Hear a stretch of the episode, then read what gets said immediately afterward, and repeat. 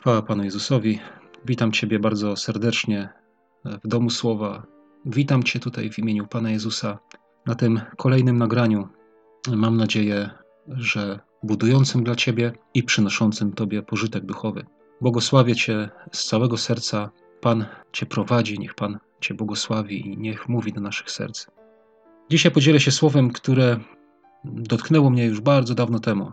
I teraz ostatnio na nowo jakoś e, tak odżyło ono w moim sercu i chcę się podzielić. Słowo to dotyczy umacniania królestwa. Pan Jezus powiedział do apostołów, do swoich uczniów, powiedział: Nie bój się, malutka trzutko, gdyż upodobało się Ojcu Waszemu dać Wam królestwo. I w innym miejscu e, też jest napisane, że umacniajcie się w Panu i w potężnej Jego mocy. Także my, jako ludzie, e, otrzymujemy od Boga królestwo i dobrze jest się w tym królestwie umacniać. Tak? Powinniśmy się umacniać w tym. I chciałem się podzielić z Wami takim słowem e, ze Starego Testamentu, z pierwszej księgi królewskiej. A kiedyś, właśnie jak je czytałem, to e, w drugim rozdziale i w 46 wersecie pierwszej księgi królewskiej przeczytałem takie coś, co właśnie mnie poruszyło. Ten, e, ten werset kończy się takimi słowami: Królestwo zaś umacniało się dzięki Salomonowi. I co tutaj zwróciło moją uwagę w tym wersecie, że te słowo, że to królestwo umacniało się dzięki Salomonowi, to słowo jest poprzedzone takimi czterema wydarzeniami, czyli czterema rzeczami, które zrobił Salomon. Tak, po tym, jak objął właśnie królestwo, jak zostało mu przekazane po jego ojcu, jak on je objął, to on, aby umocnić to królestwo, aby nie stracić tego, tak, aby pozostać na tym, na, na tym, że tak powiem, stanowisku, które otrzymał, od Boga otrzymał, e, to on wykonał cztery rzeczy, które są właśnie wcześniej troszkę opisane. I na to chciałem zwrócić uwagę, żebyśmy zobaczyli, co takiego zrobił Salomon, że to jego królestwo się umacniało, bo wierzę, że to są takie e, cztery sprawy, które są naprawdę nam potrzebne i które powinniśmy zachowywać, które powinniśmy przestrzegać. Ale zanim to chciałem jeszcze tylko tak e, odwołać się może e, troszkę do samego Salomona. Kim był Salomon? Skąd on się wziął? E, wiecie, Salomon był synem Dawida i Batrzeby. I dla tych, którzy nie znają historii o Dawidzie i Batrzebie, to chciałbym tylko powiedzieć, że Batrzeba była kobietą, którą Dawid kiedyś zobaczył ze swojego okna, jak ona się kąpie. Była to kobieta dużej urody. I ona się Dawidowi spodobała i on ją sobie wziął, tak? Czyli posłał po nią, przyprowadzono ją do niego tam do pałacu e, i on, można by powiedzieć, może uwiódł ją tak i spał z nią. Współżyli ona zaszła w ciążę. I potem, e, jak Dawid się o tym dowiedział, że, że ona jest w ciąży z Dawidem, to co Dawid zrobił? Przez pewne swoje zabiegi chciał y, doprowadzić do tego, żeby na początku się okazało, że to dziecko nie jest jego, tylko jej męża, bo ona była właśnie mężatką. A jak to się nie udało, to po prostu przez też swoje, swoją władzę sprawił tak, że, że jej mąż, tej Batrzeby, e, zginął na wojnie. I Pan Bóg jasno, jakbyśmy czytali e, w drugiej księdze Samuela, e, to byśmy mogli o tym przeczytać, że że Pan Bóg zarzucił Dawidowi, że, że on go zamordował, tak? że to on go zamordował cudzymi rękoma, tak? ale on właśnie spowodował e, morderstwo.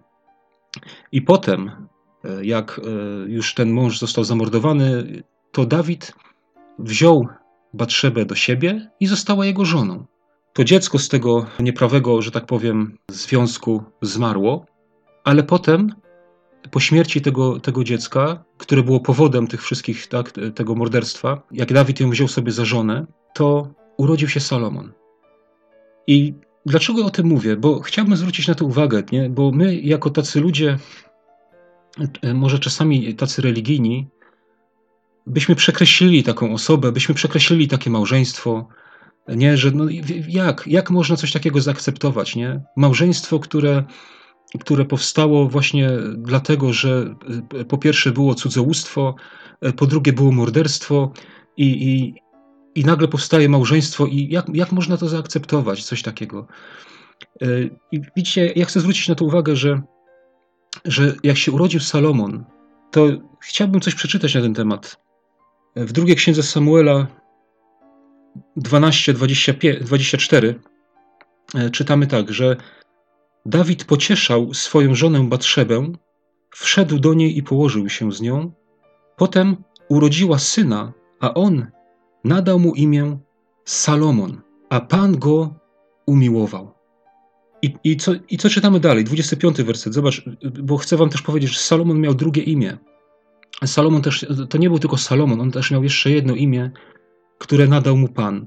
Bo to imię Salomon y, nadał mu y, Dawid, tak jak tutaj czytamy. A jest drugie imię Salomona, które nadał mu Pan. I czytamy w 25 wersecie: A Pan go umiłował i posłał przez Natana proroka i nadał mu imię Jeddia ze względu na Pana, bo go Pan umiłował. Zobaczcie. E, dlaczego o tym mówię? Dlatego, że zobaczcie, Panu Bogu to nie przeszkadzało, ta przeszłość, tak? Bo Dawid pokutował z tej przeszłości. Oni, oni pokutowali, oni wyznali te swoje grzechy.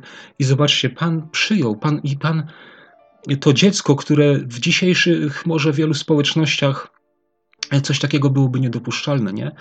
A Pan Bóg przyjął. I, I jeszcze jest napisane, że umiłował Salomona. Umiłował go. I jeszcze nadał mu swoje imię, tak? Posłał proroka Natana i mówi tak, da, da, mu, da mu jeszcze imię Jedidia ze względu na Pana. Zobaczcie, dlaczego o tym mówię? Dlatego, że chcę, żebyś wiedział, bracie, siostro, że przeszłość, jaką masz za sobą, ona nie przekreśla tego, że, żeby Pan Bóg e, miał ciebie nie umiłować. Ty sobie możesz myśleć, e, no jak ja taki to i tamto zrobiłem, taka i taka jest moja przeszłość, e, z takiego i takiego domu się wywodzę. Słuchaj, to jest nieważne. Rozumiesz? To jest nieważne dla Boga. To, to nie jest dla Pana Boga przeszkodą. Tu, tu masz na to dowód. Pan go umiłował. I co więcej, nie? Co więcej, dalej możemy zobaczyć, że właśnie z woli Bożej Salomon został królem.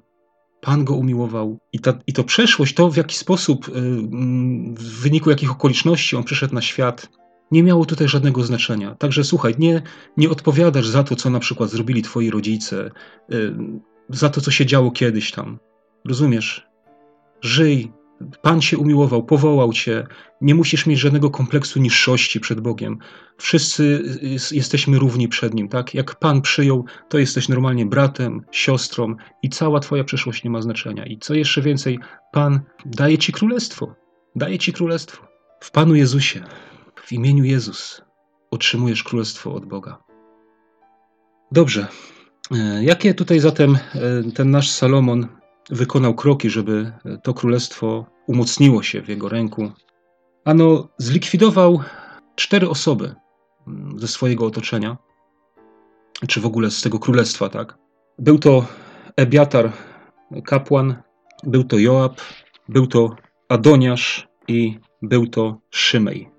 E, ja tutaj nie będę mm, skupiał się na tym, jakie znaczenia mają te wszystkie imiona, które tutaj wymieniłem, ale raczej właśnie na, na roli tych osób, jaką, jaką one spełniały w tej całej historii. Zaczyna się to od Adoniasza.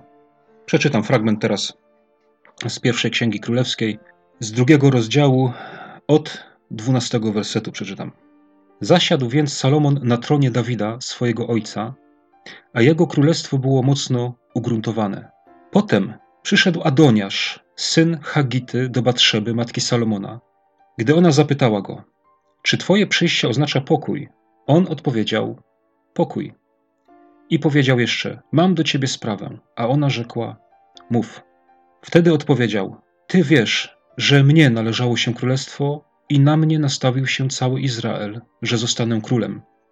Lecz sprawa władzy królewskiej uległa zmianie i królestwo dostało się memu bratu, gdyż Pan mu je przyznał. Tak? I tu mamy ten dowód na to, że e, Pan przyznał Królestwo Salomonowi, że to nie był wymysł żadnego człowieka, ale że to był Pana wybór. Bo jak czytamy w księdze Samuela, proroka, jak lud izraelski zażądał sobie króla, to Pan Bóg postawił taki warunek, nie? że królem spośród ciebie będzie tylko ten, którego wybierze Pan. I tu mamy, że, że Pan wybrał Salomona na króla.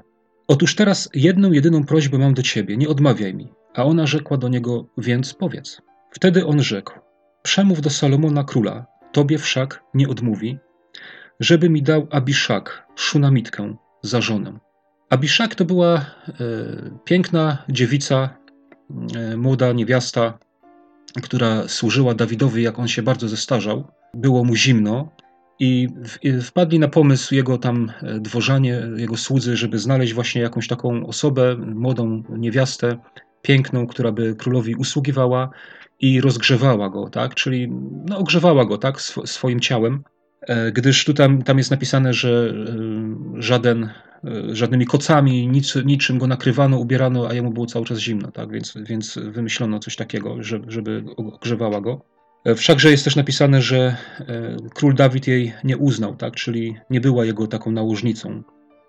No i Adoniasz przyszedł i mówi, żeby dał mi Abiszak szunamitkę za żonę, tak? czyli tą, która należała do jego ojca, mu służyła, żeby mu oddał. Batrzeba odpowiedziała: Dobrze, porozmawiam w twojej sprawie z królem.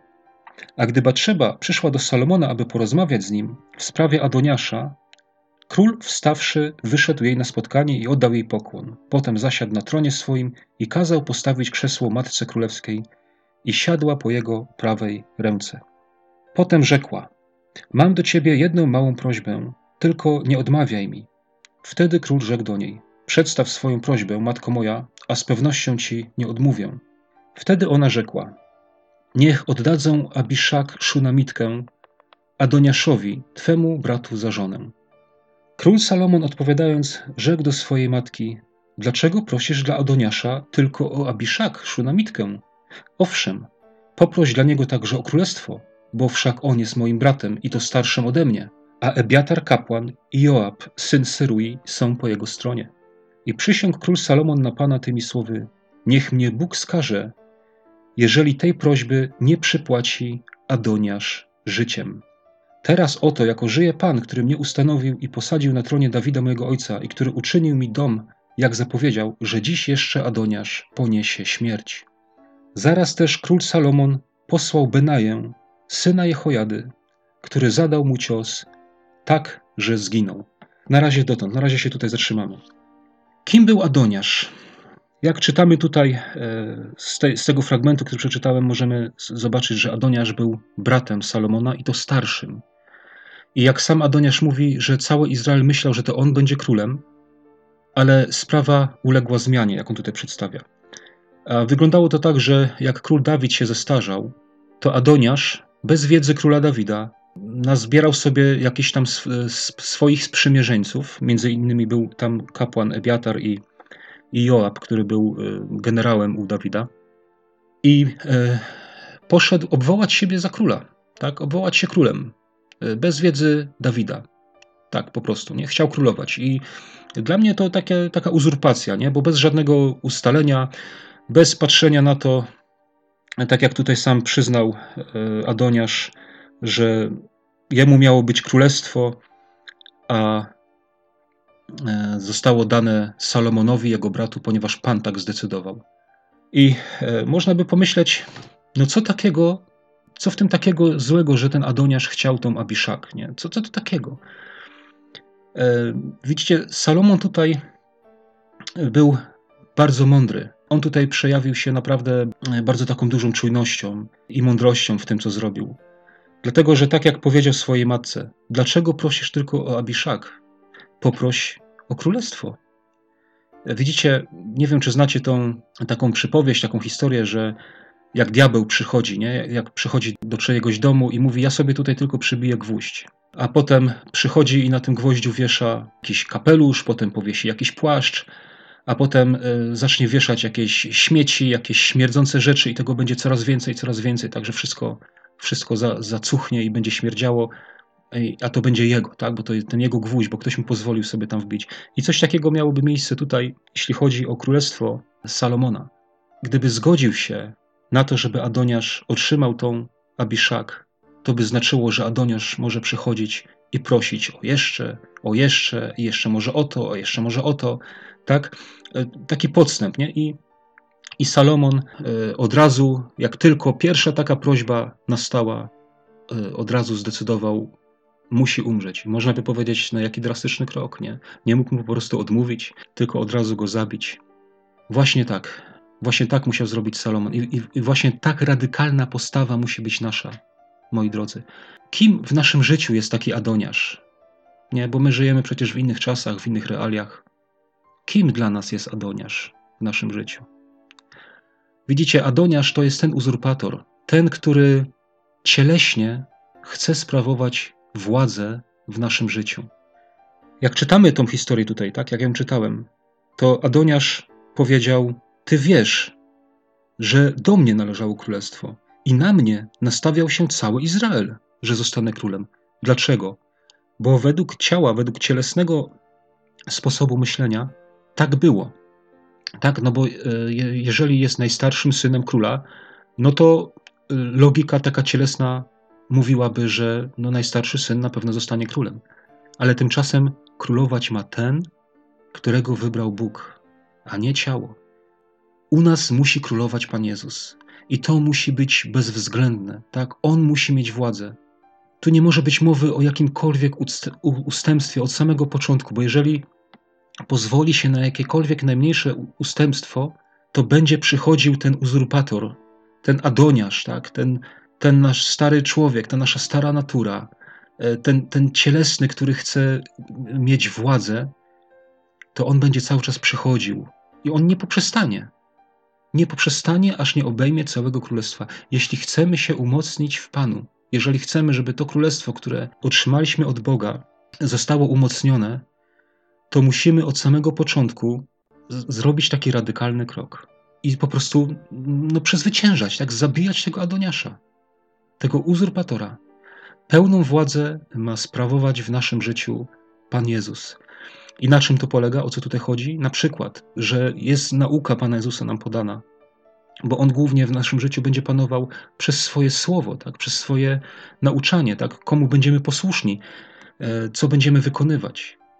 Więc musimy tutaj zgłębiać, tak? czytać naukę Pana Jezusa, to, co nam mówi tutaj e, Biblia, czego nas uczy Pan Jezus, apostołowie, czego nas uczą. I tego się musimy trzymać. Bezwzględnie, słuchajcie, bez ustępstwa.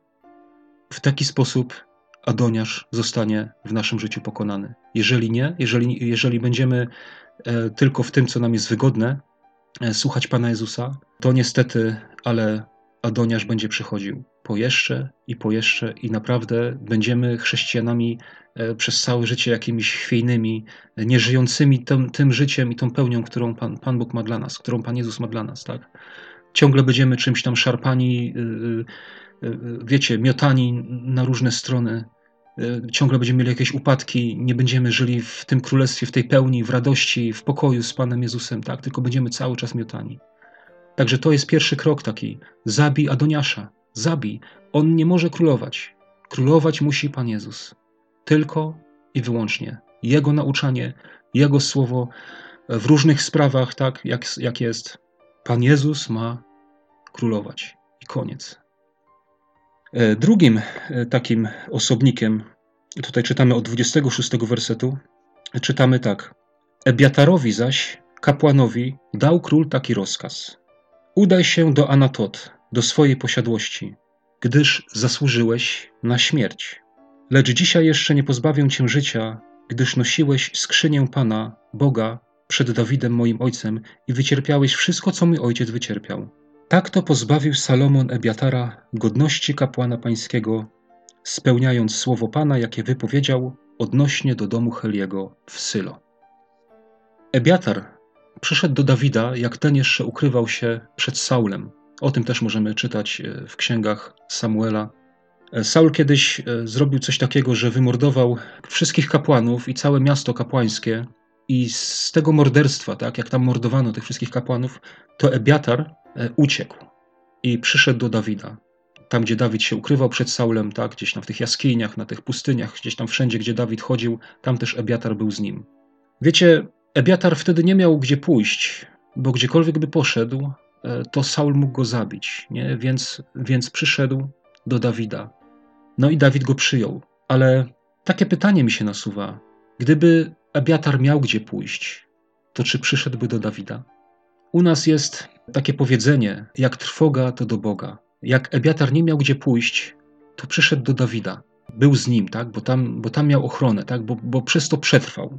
Natomiast zobaczmy, jak Adoniasz obwoływał się królem, to Ebiatar przyłączył się do Adoniasza. Widzicie, jego serce nie było z Dawidem, bo jak zobaczył jakąś inną opcję, nie, że ktoś inny tam zostaje królem, niepotwierdzonym przez Boga, tak, niepotwierdzonym z Dawidem, to on tam poszedł. I on przyjął stronę właśnie tego Adoniasza, on przyjął stronę tego uzurpatora. Wiecie, to jest takie, jak mogę coś zyskać, to jestem, e, to jestem tak, tak, jak ten ebia, e, tak jak ten Ebiatar. Nie? Jak mógł coś zyskać, jak mógł zachować swoje życie, jak mógł doznać ratunku, to był z, e, z Dawidem. Nie? Ale jak tylko się coś zmieniło, to wziął drugą stronę. Słuchajcie, to, to jest taka religijność, to jest taka obłuda. Co jeszcze tutaj jest powiedziane, że Ebiatar, tu, tutaj czytamy, on pochodził z domu Heliego. Zobaczcie, ten 27 werset mówi: tak to pozbawił Salomon Ebiatara godności kapłana pańskiego, spełniając słowo Pana, jakie wypowiedział odnośnie do domu Heliego w Sylo. I o tym też możemy przeczytać w pierwszej księdze Samuela. Na samym początku jest, y, mamy opis, taką historię właśnie jak Heli był arcykapłanem i miał dwóch synów, y, którzy byli kapłanami. A ci synowie byli bardzo bezbożnymi ludźmi, chociaż byli kapłanami. I zobaczcie, sprawowali y, posługę pańską jako kapłani, ale grzeszyli, obcowali z kobietami, y, dopuszczali się rozwiązłości, obrzydzali ludziom, Izraelitom, obrzydzali ofiary pańskie. Dlatego, że jak ktoś przychodził i przynosił ofiarę swoją, to zanim zostało jeszcze cokolwiek spalone, to przychodził sługa tego kapłana z widelcem i mówi: on chce wziąć to czy tamto, taki czy taki kawałek mięsa, jakieś najlepsze sztuki mięsa z tej ofiary sobie brał. E, coś, co, co najbardziej e, tem, temu, że tak powiem, kapłanowi smakowało. Jak przychodził z tym widelcem, to człowiek, który ofiarował, mówi: To poczekaj, e, no to się ugotuje, tak? I wtedy sobie weźmiesz ten kawałek mięsa. I on wtedy odpowiadał: Nie, bo kapłan nie chce gotowanego, on weźmie tylko surowe, bo on sobie chce upiec, nie? czyli przyjąć sobie to, co najsmaczniejsze nie? dla siebie. I w wyniku tego wszystkiego Pan Bóg do Helego właśnie dał takie słowo, że nie przebaczy im tego grzechu, że pozbawi ich godności kapłańskiej i że, że z linii Helego zostanie wytępiona linia kapłanów. Nikt nie będzie sprawował posługi. I tu czytamy właśnie, że to Pan wykonał rękoma Salomona. Tak? Odstawił e, Ebiatara, który był właśnie potomkiem z rodu Helego, był potomkiem, żeby nie sprawował ofiary pańskich, żeby nie był kapłanem. E, co nam to mówi? Jak ci kapłani wyciągali i chcieli z tego garka to, co najlepsze, nie te najsmaczniejsze kawałki. Widzicie, często tak jest w życiu ludzi, że chcą od Boga tylko to, co jest najlepsze i oczekują tylko na to, co jest najsmaczniejsze. Nie przyjmują od Pana Boga wszystkiego, co On im daje. Zobaczcie, Pan Bóg powiedział kapłanom, że oni nie będą mieli dziedzictwa żadnego, nie będą mieli ziemi, ale oni będą właśnie mieli z ofiar pańskich, bo to była największa świętość. Nie? Oni powinni czuć się zaszczyceni tym, że, że właśnie, że mają taką posługę. A oni tym wzgardzili. Ci potomkowie Helego, ci synowie Helego, nie? Oni tym wzgardzili. I chcieli przyjmować od Boga tylko to co, to, co im pasowało, tylko to, co im najbardziej smakowało. Widzicie, taka postawa musi być oddalona w naszym życiu. Nie możemy przyjmować od Pana Boga tylko to, co nam smakuje. Jeżeli chcemy, żeby nasze królestwo się umocniło, my nie dziedziczymy królestwa na 5, na 10 albo na 50 lat. My dziedziczymy królestwo na wieczność. I jak chcemy, żeby to królestwo się utwierdziło w nas i w naszym życiu, tak, jak chcemy być mocni w tym, to musimy od Boga przyjmować wszystko. Taka postawa, ten, ten ebiatar musi być oddalony, bo on to właśnie reprezentuje on, słuchajcie, on reprezentuje spisek, sprzysiężenie z Adoniaszem, czyli z tym uzurpatorem. To jest jedna klika. E, miejcie tego świadomość. I on reprezentuje branie od Boga to, co najlepsze. Wie, wiecie, wielu jest takich ludzi. Oczekują od Pana Boga tylko dobrych rzeczy. Jak przychodzi trudny czas, to się po prostu odwracają i się oddalają. To tak jak te cztery ziarna, które zostały wrzucone w, ziem, e, w ziemię w przypowieści o siewcy. Wierzą do czasu. Tam to, to jedno ziarno takie było ale jak przychodzi ucisk czy jakieś prześladowanie z powodu słowa, to odchodzą. Nie? Czyli na ile jest dobrze, na tyle jest w porządku, nie? Na tyle się trzymam Boga, bo mi pasuje, bo mi jest fajnie, jest radość, jest wesoło, nie? Jest wszystko, Pan Bóg odpowiada na modlitwy, ale potem jak przychodzi trudniejszy czas, to odchodzą. I co jest napisane, że takie ziarno owocu nie wydaje, nie przynosi żadnego plonu. Dlatego taka postawa musi być zlikwidowana u nas. E, co jeszcze mi pokazuje ten, e, ten, ten, ten postawa tego Ebiatara jako potomka Heliego? To to, że zobaczcie, chociaż oni byli kapłanami, ci, ci synowie Heliego byli kapłanami, to jednak ich serce nie było przy Bogu. Ich serce nie było dla Boga. Czyli to jest tak, jak Pan Bóg mówi do Izraela: Oto lud ten czci mnie wargami, ale serce ich daleko jest ode mnie. A w innym miejscu Pan Jezus mówi: Strzeżcie się kwasu faryzeuszy, jakim jest obłuda, jakim jest powierzchowność taka, nie? zewnętrzne pozory. To musi zostać, słuchajcie, to musi zostać wyrzucone. Ebiatar nie trwał sercem przy Dawidzie. Jak tylko przyszła okazja, to on przystąpił do wroga, do Adoniasza, do uzurpatora. Kolejnym odsuniętym, zabitym jest Joab. Czytam od 28 wersetu. Gdy zaś wieść o tym dotarła do Joaba, a Joab opowiedział się za Adoniaszem, chociaż nie opowiedział się z Absalomem, schronił się Joab w namiocie Pana i uchwycił się narożników ołtarza. Gdy doniesiono królowi Salomonowi, iż Joab schronił się w namiocie Pana i znajduje się przy ołtarzu, Salomon posłał Benaję, syna Jehojady, dawszy mu taki rozkaz: idź i zabij go. Poszedł więc Benaja do namiotu Pana i rzekł do Joaba: Tak nakazuje król, wyjdź. Lecz ten odpowiedział: Nie wyjdę, ale tutaj zginę.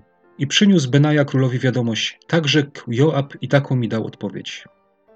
Rzekł więc król do niego: Uczyń jak sam powiedział, zabij go i pogrzeb go. W ten sposób usuniesz ze mnie i z domu mojego ojca winę krwi, którą Joab przelał bez przyczyny. A Pan sprowadzi jego krew na jego własną głowę, ponieważ on zadał cios dwom mężom sprawiedliwym i lepszym niż on.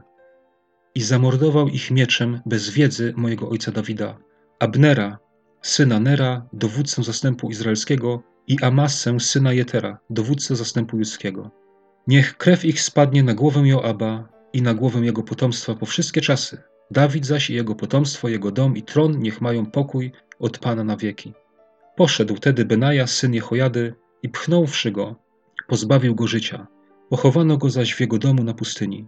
Potem zamiast niego ustanowił król Benaję, syna Jehojady, wodzem nad wojskiem, a Sadoka, kapłana, ustanowił król zamiast Ebiatara. Czym sobie Joab zasłużył na ten wyrok śmierci? Dlaczego Joab musi też zostać zabity, żeby królestwo Salomona się umocniło? Po pierwsze, dlatego, że Joab, tak samo jak Ebiatar, był sojusznikiem Adoniasza. Do niego przystąpił, czyli to jest jedna klika. To jest wszystko wywodzi się z ciała, to jest wszystko z cielesności, tak? To, to, jest, to jest jedna klika i to musi być usunięte. Co takiego zrobił Joab i czym sobie zasłużył, przeczytałem przed chwilą. Mnie natomiast dotyka takie słowo, które nie jest tutaj przytoczone, ale wcześniej, w drugim rozdziale tej pierwszej księgi królewskiej, w piątym wersecie możemy przeczytać, co Dawid mówi do Salomona. Tak? I Dawid powiedział tak, że wiadomo ci także, co mi uczynił Joab, syn Serui, co uczynił dwom wodzom zastępców, co uczynił dwom wodzom zastępów izraelskich, Abnerowi, synowi Nera i Amasie, synowi Jetera, których zamordował i za krew przelaną na wojnie dokonał pomsty w czasie pokoju i krwią niewinną splamił swój pas, który nosił na swoich biodrach i sandały, które miał na swoich nogach. To jest Joab. E, tym on sobie głównie zasłużył na śmierć. Pierwsze tym, że był sojusznikiem Adoniasza, ale główną przyczyną było to, co on zrobił. Zamordował e, z zimną krwią, z premedytacją, zamordował dwóch sprawiedliwych ludzi, tak to jest napisane, sprawiedliwszych niż on sam. Zamordował ich w czasie pokoju, jak na wojnie. Joab jest mordercą w czasach pokoju. Wiesz, że jak ty objąłeś królestwo dane ci przez Boga w Panu Jezusie, to wiesz, że objąłeś królestwo pokoju. To wiesz, że Pan Jezus jest nazwany księciem pokoju, a jeżeli się żyje w królestwie pokoju, w czasie pokoju, to nie można mordować ludzi jak na wojnie. Nie można toczyć wojen. tak? Nie można być takim mordercą. A to właśnie reprezentuje Joab. To jest taka postawa, właśnie taka wojownicza. My jesteśmy powołani do pokoju. Jest napisane, o ile to od was zależy, ze wszystkimi ludźmi pokój miejcie. Jeśli to od nas zależy, jest napisane, tak? Czyli my jesteśmy powołani do pokoju. My nie możemy chować urazy, my nie możemy gniewać się na kogoś, tak? Jeżeli mamy taką możliwość, jeśli mamy takie, takie środki, takie narzędzia, to powinniśmy mieć pokój ze wszystkimi ludźmi, tak? Nie, nie wojować z nikim, nie być dla nikogo wrogiem. Joab reprezentuje właśnie taką postawę. Wrogość, nienawiść, zabójstwo, bo to jest jednoznaczne, tak Pan Jezus powiedział, jeśli ktoś nienawidzi brata swego, jest mordercą. Więc w czasie pokoju nie ma miejsca dla takiego człowieka i zobaczcie, jak kategorycznie Salomon do tego podszedł. On się uchwycił rogów ołtarza, nie? żeby nie zostać zamordowanym. A Salomon mówi: idź i tam go zabij. Ja, jak się nawróciłem w więzieniu, przypominam, jak ktoś nie, nie wie, jak ktoś nie słyszał mojego świadectwa, jest jako pierwsze na tej stronie nagranie, to jest moje świadectwo, e, to ja zacząłem pisać listy do wszystkich ludzi. Tak nie miałem innej możliwości, tak? A zresztą uważam, że, że list to jest e, bardzo dobra e, forma. Oczywiście, jeżeli jest szczery, tak? Jeśli się chce kogoś przeprosić, bo w liście można wszystko opisać. Nikt ci nie przerwie nie, nie wejdzie ci w pół słowa, nie przerwie ci, nie możesz napisać, e, możesz wylać wszystko, co masz na sercu, tak. Jest to, jest to dobra forma. Oczywiście ja tutaj nie chcę, nie chodzi mi o to, żeby, żeby wybierać komuś tam, bo wiadomo, że i też można pójść powiedzieć komuś, że przebaczam, że przepraszam. Mm, ale ja zacząłem pisać listy, bo ja po prostu nie miałem innej takiej możliwości i wiem, że Pan Bóg mnie do tego bardzo pobudzał, że ja coś takiego muszę zrobić. E, nawet e, pamiętam do tego stopnia, że zależało mi kiedyś na telefonie, tak, żeby gdzieś zadzwonić do kogoś. Z napisaniem listu do jednej osoby ja się, że tak powiem, ociągałem, tak? Gdzieś to tam odstawiałem na bok i odwlekałem z tym, a bardzo mi zależało, żeby gdzieś zadzwonić. I ja to wtedy po takim wydarzeniu poznałem, że ja chodziłem do tego telefonu i nie mogłem się dodzwonić. Cały czas niby, że coś tam jest nie tak, że połączenie nie może być zrealizowane i taka informacja. I jak za którymś razem mi się to zdarzyło, że ja nie mogę się dodzwonić, to mnie oświeciło. Ty masz napisać list. Ty masz zrobić to, nie, nie to, na czym tobie zależy, tylko masz zrobić to, czego Bóg od ciebie oczekuje. I ja poszedłem wtedy od tego aparatu telefonicznego, wróciłem się, napisałem list do tej osoby i poszedłem do telefonu i się dodzwoniłem. Może taki banalny przykład ktoś powie, ale ja wtedy doskonale wiedziałem, co to jest. Ktoś, kto patrzy na takie rzeczy z boku, może mieć różne opinie, ale ktoś, kto przeżywa takie rzeczy, on dokładnie wie, że to Pan Bóg go prowadzi i że, i że to właśnie od Boga jest. I tak było w tym moim przypadku. A jakie ja listy pisałem? Ano, przepraszałem ludzi, których skrzywdziłem. Pisałem listy, napisałem, że się nawróciłem, że poznałem Pana Jezusa, że chcę pojednania, że chcę zgody. Do wszystkich ludzi, których w jakikolwiek sposób gdzieś tam e, skrzywdziłem, czy cokolwiek, tak? pisałem do tych ludzi po prostu. I teraz możesz powiedzieć, no dobrze, ale co z tymi, którzy mnie skrzywdzili? Mhm. Nie, bo możesz, może przyjść takie pytanie na myśl, nie? To też wam powiem, słuchajcie. Miałem macochę, jak byłem mały. Moja mama, która mnie urodziła, umarła, jak ja miałem 13 miesięcy. Potem przez 11 lat wychowywała mnie macocha. I ja, jak to mówię zawsze, to ja mówię, że to była macocha przez bardzo duże M. To była strasznie okrutna osoba. Tyle cierpienia, jakie ona sprawiła mi i mojemu bratu. Tyle bólu, tyle upokorzenia.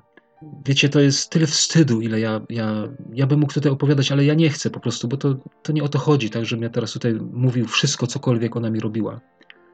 Ale byliśmy strasznie bici każdego dnia za najdrobniejszą rzecz, upokarzani, głodzeni czasami, celowo, z premedytacją. Z powodu tej macochy E, w szkole się wszyscy ze mnie śmiali. Straszne, straszne to było dla mnie. I jak się nawróciłem, to też do niej napisałem. I opisałem jej to wszystko, to co pamiętam, ten ból, to wszystko, co nami sprawiała. Napisałem jej, że przebaczam jej to wszystko, ale w tym wszystkim też podziękowałem jej za to, że chociaż była dla mnie taką okrutną osobą, to jednak prowadziła mnie do szkoły, jak byłem chory, to szła ze mną do lekarza. Prała moje pranie, gotowała mi jedzenie, robiła mi kanapki, cokolwiek, tak? No, w jakiś sposób się mną opiekowała. Więc za to też jej podziękowałem, a tamto jej przebaczyłem. I po wyjściu już potem na wolność e, spotkaliśmy się, byłem u niej, rozmawialiśmy. Potem powtórzyłem jej jeszcze raz, że to wszystko przebaczyłem. Ona mówi, że bardzo się bała takiego spotkania. Czas pokoju nastał. Nawet jak ktoś ciebie skrzywdził, musisz mu przebaczyć, musisz to zapomnieć, tak? Musisz dojść do pokoju, bo twoje królestwo się nie umocni. Słuchaj, królestwo Pana Jezusa jest królestwem pokoju. Nie może się ostać człowiek e, w Królestwie Bożym, jeśli będzie miał w swoim sercu gorycz, jeśli będzie nosił jakieś zadry, jeśli będzie wypominał e, jakieś rzeczy, którymi ktoś, ktoś mu się uprzykrzył. Nie będziesz miał pokoju, bo to nie jest jego królestwo. Słuchaj, Joab musi być zabity. I to bezapelacyjnie. Tutaj nie było żadnej taryfy ulgowej. Salomon powiedział: idź i koniec. Słuchaj, nie ma, tutaj nie ma żadnej dyskusji. Nie ma żadnej wymówki, że on się uchwycił rogów ołtarza. Nic tutaj nie pomaga. Rozumiesz? Nie szukaj dla siebie tutaj usprawiedliwienia, żeby go nie zabić. Bo te rogi ołtarza to mogą być takim, takim środkiem, nie, że o tutaj e, e, nie, tu się uchwycił i to więc nie muszę go zabijać. Nie. Nawet jeśli się uchwycił, masz go zabić. Ja mam nadzieję, że rozumiesz tą, tą, analogię. Nie ma żadnej taryfy ulgowej tutaj, bo się nie ostoisz. I tak jak tutaj tych trzech, co przywołałem, te trzy imiona, Adoniasz, Ebiatar i Joab, oni musieli tak bezwzględnie zostać odsunięci. E, w ogóle tych dwóch musiało być zabitych bez dwóch zdań. Trzeci, jako to, że to był kapłan, tak, to on tam został odsunięty, ale definitywnie miał być odsunięty, tak. I mamy jeszcze czwartego, Szymej. Tutaj, jak przeczytam tą historię, zaraz to zobaczymy, że on tutaj y, mógł żyć, ale tylko warunkowo, tak, pod określonymi warunkami. E, przeczytam teraz fragment od 36 wersetu. Następnie posłał król po Szymejego i nakazał mu: Zbuduj sobie dom w Jeruzalemie i zamieszkaj w nim, i nie odchodź stamtąd nigdzie. Zapamiętaj to sobie, w tym dniu, w którym oddalisz się stamtąd i przekroczysz potok Kidron, poniesiesz śmierć, a twoja krew spadnie na twoją głowę. Szymei odpowiedział królowi: Słuszny to rozkaz, i jak nakazał mój pan król, tak postąpi twój sługa. I mieszkał Szymej w Jeruzalemie przez długi czas. Zdarzyło się jednak po upływie trzech lat, że Szymejemu uciekli dwaj niewolnicy do Akisza syna Machy, króla Gad. Gdy doniesiono Szymejemu, mówiąc: Oto twoi niewolnicy są w Gad, Szymej wstał, osiodłał swojego osła i ruszył do Gad, do Akisza, aby odszukać swoich niewolników. Poszedł tam i sprowadził swoich niewolników z Gad. Gdy doniesiono Salomonowi, że Szymej poszedł z Jeruzalemu do Gad, lecz znów powrócił, król posłał po Szymejego i rzekł do niego: Czy nie zaprzysiągłem cię na Pana i nie ostrzegłem, oświadczając ci, zapamiętaj to sobie, że w tym dniu, w którym wyjdziesz stąd i udasz się gdziekolwiek, poniesiesz śmierć? A ty mi odpowiedziałeś: Słuszny to rozkaz, przyjąłem go do wiadomości. Dlaczego więc nie dotrzymałeś przysięgi złożonej na Pana i nie wykonałeś rozkazu, jaki ci dałem? Po czym rzekł król do Szymejego: Ty znasz całe to zło i twoje serce jest świadome tego, co wyrządziłeś Dawidowi, mojemu ojcu. Niechaj tedy Pan sprowadzi zło, jakie sam wyrządziłeś na twoją głowę. Król Salomon zaś niech będzie błogosławiony, a tron Dawida utwierdzony przed Panem na wieki. Kazał tedy król Benai, synowi Jehojady, i ten wyszedł i zadał mu cios tak, że zginął. Królestwo zaś umacniało się dzięki Salomonowi. To, co na początku mówiłem, że te cztery kroki doprowadziły do tego, że królestwo się umacniało. Dzięki Salomonowi, dzięki tej mądrości, którą miał, dzięki tym jego zabiegom, które on wykonał, królestwo się umacniało. Salomon powiedział do Szymejego: Ty znasz całe zło, jakie wyrządziłeś Dawidowi, mojemu ojcu. Jakie to zło Szymej wyrządził? Otóż była w życiu Dawida taka sytuacja, kiedy uciekał on przed Absalomem, swoim synem. Musiał opuścić Jeruzalem. I w tym czasie, kiedy uciekał w tej drodze, Szymej wybiegł mu na spotkanie, a nawet raczej nie na spotkanie, ale przez jakiś kawałek drogi szedł za Dawidem i mu bluźnił, po prostu mu bluźnił. Wyzywał go, e, rzucał kamieniami, obelgami na Dawida. E, także ci żołnierze, którzy szli z Dawidem, mówią: e, Dlaczego my mu nie obetniemy głowy? Tak, powiedz nam i my to zrobimy. A Dawid im odpowiadał: A co wam do tego? A może Pan Bóg kazał mu tak złorzeczyć i on tak mi mówi. Co wam do tego? To tak na marginesie dla mnie jest niesamowita postawa. Zobaczcie, takiego życia w pokoju. Może Pan mu kazał bluźnić, więc go zostawcie. Niech bluźni. I przyjmował to Dawid i szedł dalej. Niesamowita dla mnie postawa. Wielu z nas by się wtedy oburzyło i bez mrugnięcia okiem e, ścięłoby głowę takiemu Szymejemu wtedy, na miejscu Dawida. Ale wracam do tematu. I później, jak Dawid wracał e, z tej już z powrotem do Jerozolimy, to Szymej znowu przyszedł i uprosił, ubłagał Dawida, nie, żeby go nie zabijał, że on żałuje tego, co robił. Ale to oczywiście nie było prawdziwe, tak, bo on wiedział, że w każdej chwili teraz może stracić życie, więc no, musiał przyjść przeprosić. Tak. I Dawid mu powiedział: Dobrze nie zginiesz. I teraz, jak Salomon objął królestwo, to wziął tego Szymejego, który był wrogiem Dawida, i mówi tak: Możesz żyć, ale warunkowo. Tutaj sobie zbuduj dom.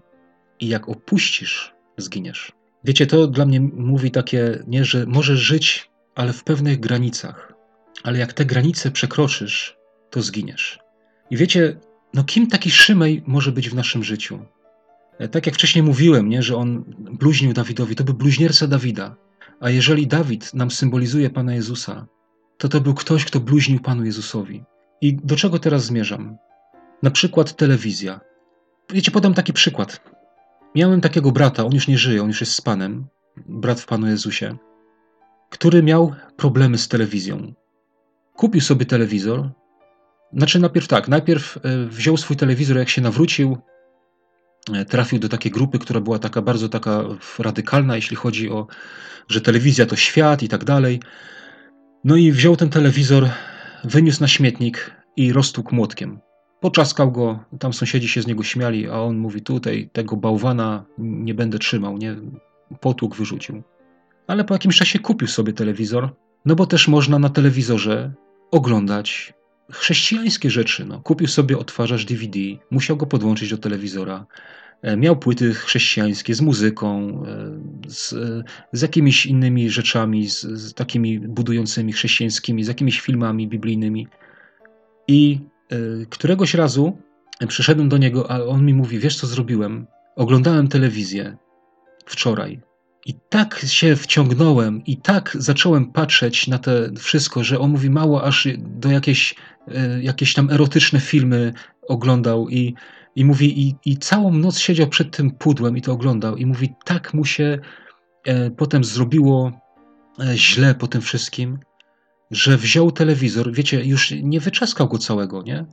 Ale wziął i obciął brzeszczotem gniazdo antenowe, żeby nie mógł podłączyć telewizji takiej zewnętrznej z sieci. E, tylko już te swoje DVD mógł mieć podłączone i tylko oglądać te chrześcijańskie. E, rozumiecie, to jest dla mnie taki przykład, e, który to fajnie obrazuje tego Szymejego. Mógł mieszkać w pewnych granicach, ale że tych granic nie umiał zachować, to musiał po prostu zabić to, tak? Musiał to zlikwidować. Wiecie, są rzeczy, jak to mówią, że każdy kij ma dwa końce, nie? I są rzeczy, które e, jedni są bardzo radykalni i mówią, że, że należy wyrzucać. To nie o to chodzi. Zobaczcie, Salomon tutaj nie zabił od razu Szymejego. Dał mu warunek, tak? Na przykład telewizja. Jedni ci powiedzą, że musisz bezwzględnie wyrzucić, nie wolno ci oglądać telewizji. To tak nie jest. Różne rzeczy w telewizji też można zobaczyć wartościowe, ale jeżeli nie potrafisz nad tym zapanować, jeżeli nie potrafisz utrzymać tego w granicach i przekraczasz te granice, to musisz Szymejego zabić. Musisz powziąć środki, musisz zrobić coś, E, tak jak tam ten brat na przykład obciął to gniazdko antenowe, czy, czy w ogóle zrezygnować z telewizji zupełnie, e, musisz to zrobić, tak? Bo inaczej też właśnie przez to przekraczanie ciągłe granic będziesz, no będziesz miał problem, twoje królestwo nie będzie umocnione. Wiecie, tak samo jest, nie wiem, z alkoholem, nie? że jest ktoś, kto E, kto, kto jest po alkoholu, był kiedyś alkoholikiem i teraz nie może nawet, e, nie wiem, e, powiedzmy cukierka z alkoholem nawet nie może zjeść, bo jak to zrobi, to właśnie przekracza te granice i, i go ciągnie gdzieś tam, tak? To dla takiego człowieka lepiej, żeby w ogóle zabił, tak? Zlikwidował. Nie ma. Nie ma w ogóle, tak? Jeżeli potrafi, jest, jest na tyle wolny, silny, może. Rozumiecie mnie? Tak samo jest z muzyką. I można słuchać wartościowej muzyki też naprawdę, i to, i to niekoniecznie musi być chrześcijańska muzyka. Ale jeśli nie potrafisz zapanować, nie, jeśli ciągnie cię do, do czegoś, co jest właśnie, co bluźni przeciwko Panu Jezusowi, tak jak ten Szymej bluźnił Dawidowi, to musisz to zabić. To, co bluźni Panu Jezusowi, musi zostać zlikwidowane. Kiedyś powiem Wam, e, też miałem taką, taki czas, e, że zacząłem e, oglądać i oglądałem jakieś tam różnego rodzaju, no bo niby co, co w tym złego, jakaś tam komedia, jakiś, jakiś film, komedie romantyczne, nie? Takie, niby tam przemocy w tym nie ma, takie łagodne, ale są rzeczy, które bluźnią Panu Jezusowi. Ja potem zwróciłem na to uwagę, ja patrzę, a tutaj niby, niby to jakaś komedia romantyczna, ale tam i, i wątek cudzołożny, i wątek e, homoseksualny, e, nie? Że, i, I takie tam, wiecie, rzeczy, które bluźnią Panu Jezusowi, po prostu wprost, tak, nie? Jest muzyka, która bluźni Panu Jezusowi. Szymej musi być zabity. Jeśli nie potrafi zachować granic e, w naszym życiu. Zobaczcie też, tutaj jest napisane, że ten Szymej tak trzy, trzy lata, nie? On tak żył w tych granicach, a potem wiecie, przyzwyczajenie, e, nie, e, żył sobie już w tym, na początku to on się pilnował, tak, na początku to wiadomo, nie, że och, pilnował się bardzo mocno, ale potem minęły trzy lata, e, wszyscy się przyzwyczaili, więc sobie pomyślał, no co to takiego, nie, pójdę sobie. Ale tutaj zobaczcie, Salomon był czujny. Tak samo jak ja z tymi, z tymi takimi komediami, z tymi filmami, o których mówię. Przez długi czas też trzymałem tego Szymejego w ryzach, zamknięty był naprawdę. Ale po jakimś czasie, minęło ileś tam czasu, a zobaczyłem sobie taki film, taki, ale Pan Bóg, tak jak tutaj Salomon, Pan Bóg e, tutaj mi pokazał i dał mi tą mądrość, tak jak Salomonowi, że nie, nie można, te, nie można pobłażyć. Bo w zasadzie co to Salomonowi przeszkadzało wtedy, nie? No poszedł sobie, to poszedł, no, ale Salomon, zobaczcie, tutaj miał tą czujność i też był radykalny. Nie, przekroczyłeś granicę, złamałeś tą umowę, to co, to co się umówiliśmy i koniec, musisz zginąć. Wiecie, takie cztery te sytuacje, e, czterech te, cztery te imiona, żeby umocnić nasze życie z Bogiem, żeby umocnić nas w Bożym Królestwie. Myślę, to są takie niezbędne kroki. Mam nadzieję, że w miarę e, dobrze i, i zrozumiale to przedstawiłem. I chciałem na zakończenie tutaj zwrócić uwagę na jeszcze jedną rzecz, która jest, e, uważam, bardzo istotna. Mianowicie wymieniłem cztery imiona: Adoniasz, Ebiatar, Joab, Szymei i jest jeszcze ktoś, jest jeszcze jedno imię tutaj. Benaja, syn Jehojady. Benaja był wykonawcą tych wszystkich wyroków. Benaja był tym, którego Salomon posyłał, żeby e, tych ludzi zlikwidował. Zobaczcie, za każdym razem jest to samo. I posłał król Benaje syna Jehojady, aby go zabił. Poszedł Benaja, pchnął go i zabił. Był jeszcze wykonawca tych rozkazów. Zobaczcie, Salomon tego nie robił własnymi siłami. Wiecie, to się może wydawać teraz dziwne, ale Benaja był synem arcykapłana. Benaja był kapłanem z rodu Arona, tak? Był synem arcykapłana. Arcykapłanem mógł być tylko ktoś, kto był z, rod, z rodu Arona, i żeby tutaj nie być gołosłownym, przeczytam tylko. Pierwsza księga Kronik 27:5 jest napisane: W trzecim miesiącu dowódcą trzeciego oddziału był Benajasz, syn Jehojady, kapłana naczelnego, a jego oddział liczył 24 tysiące. Benajasz był synem arcykapłana. To mi pokazuje na ten duchowy wątek, na ten, na ten Boży wątek, że wiecie, jak mamy, koło, jak mamy w naszym życiu tego Benajasza, to jesteśmy w stanie to wszystko zrobić. Że tak jak tutaj, no Salomon nie był sam wykonawcą tego, nie? On sam nie szedł, nie zabijał, ale on to robił tak jakby, można powiedzieć, w duchu, tak? Z Bożą pomocą. Ty podejmujesz decyzję, tak? Ty możesz podjąć decyzję, tak jak Salomon tutaj. Salomon decydował, ale wykonać to możesz z Bogiem. Nieraz ciężko może być tobie oddać całą władzę, tak, że, że rozumiecie, żeby, żeby tego Adoniasza zabić, nie? Może być ci ciężko tak samemu o własnych siłach ale jak się będziesz modlić nie? i prosić, Panie, pomóż mi, żebym ja to mógł tak zrobić, to to zrobisz. Tak samo z każdym innym przypadkiem. Możesz mieć ciężko komuś przebaczyć, możesz mieć ciężko e, też prosić kogoś o przebaczenie, ale z Bogiem Wiecie, ten Benajasz to, taki, to jest ten taki właśnie Boży element, nie? Ten, to jest ten, no, no tak to nazwę, no to, to jest ten duch, tak? W tym duchu możesz to zrobić, w Bożym duchu.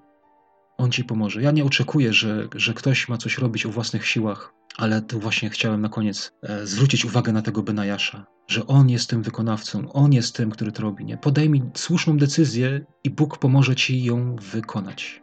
Nie potrafisz się z czymś rozstać, e, masz z czymś problem, z takim szymeim, który nie potrafi zachować granic. Z Bogiem. Bóg ci pomoże, tak? On to sprawi.